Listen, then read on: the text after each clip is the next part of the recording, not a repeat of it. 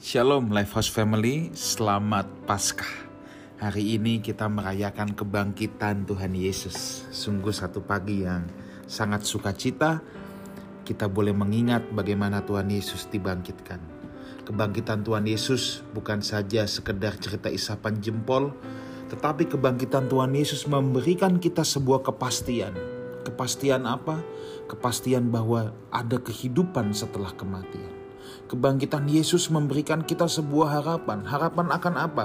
Harapan bahwa kita akan bersama-sama dengan dia satu hari kelak.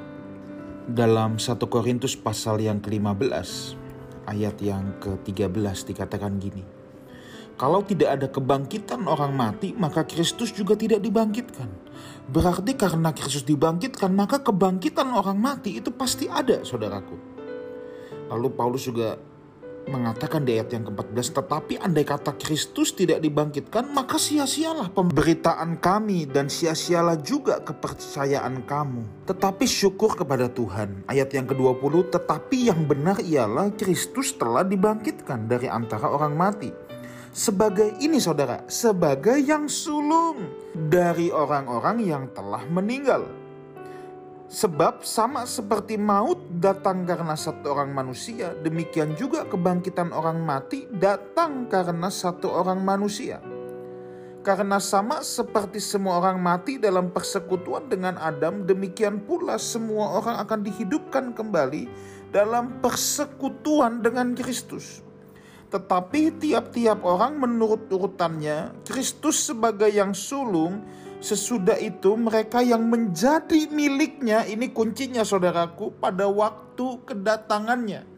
Saudaraku memang betul ada kebangkitan orang mati.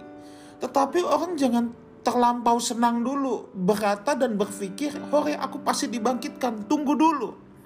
Alkitab berkata, yang dibangkitkan adalah mereka yang menjadi miliknya pada waktu kedatangannya. Dia jadi yang sulung. Nanti kalau dalam kitab Roma Roma 8 ayat 28 dan 29 ayat 29 tepatnya ia menjadi yang sulung di antara banyak saudara. Jadi orang-orang yang menjadi milik Tuhan Yesus, dia yang akan dibangkitkan dan diangkat menjadi saudara bagi Tuhan Yesus. Tuhan Yesus yang ketika turun ke bumi, dia anak tunggal Bapa tetapi ketika dia dibangkitkan, dia tidak lagi tunggal. Dia menjadi yang sulung dari banyak saudara. Nah, saudaraku, persoalannya sekarang, apakah kita sudah menjadi milik Kristus, atau kita masih memiliki diri kita sendiri? Apakah kita sudah memberikan hidup kita untuk dimiliki oleh Tuhan? Kata Tuhan, kurios itu Tuhan, artinya pemilik segalanya, pemilik kehidupan. Yuk kita belajar serahkan kepemilikan hidup kita ini sama Tuhan. Praktisnya gimana sih pastor? Oh iya, belajar menyerahkan kepemilikan itu kita bisa mulai dari hal-hal kecil. Kita mulai tanggalkan ego-ego kita. Kita tanggalkan perasaan-perasaan kita. Kadangkala kita mau marah, kita marah kita mau benci, kita benci. Tetapi sekarang kita belajar, perasaan ini milik Tuhan. Kita tidak bisa lagi, sekalipun kita lagi kesel nih, kita lagi marah, kita ingat, eh ini bukan milik kita. Kalau Kristus tidak marah, kenapa aku marah? Kita juga bisa belajar dari hal yang lainnya. Mungkin kita dalam keadaan diberkati secara materi tetapi kita mulai menyadari bahwa itu semua titipan dari Tuhan. Kepemilikan ini semuanya milik Tuhan. Kita hanyalah bendahara-bendahara pengelola.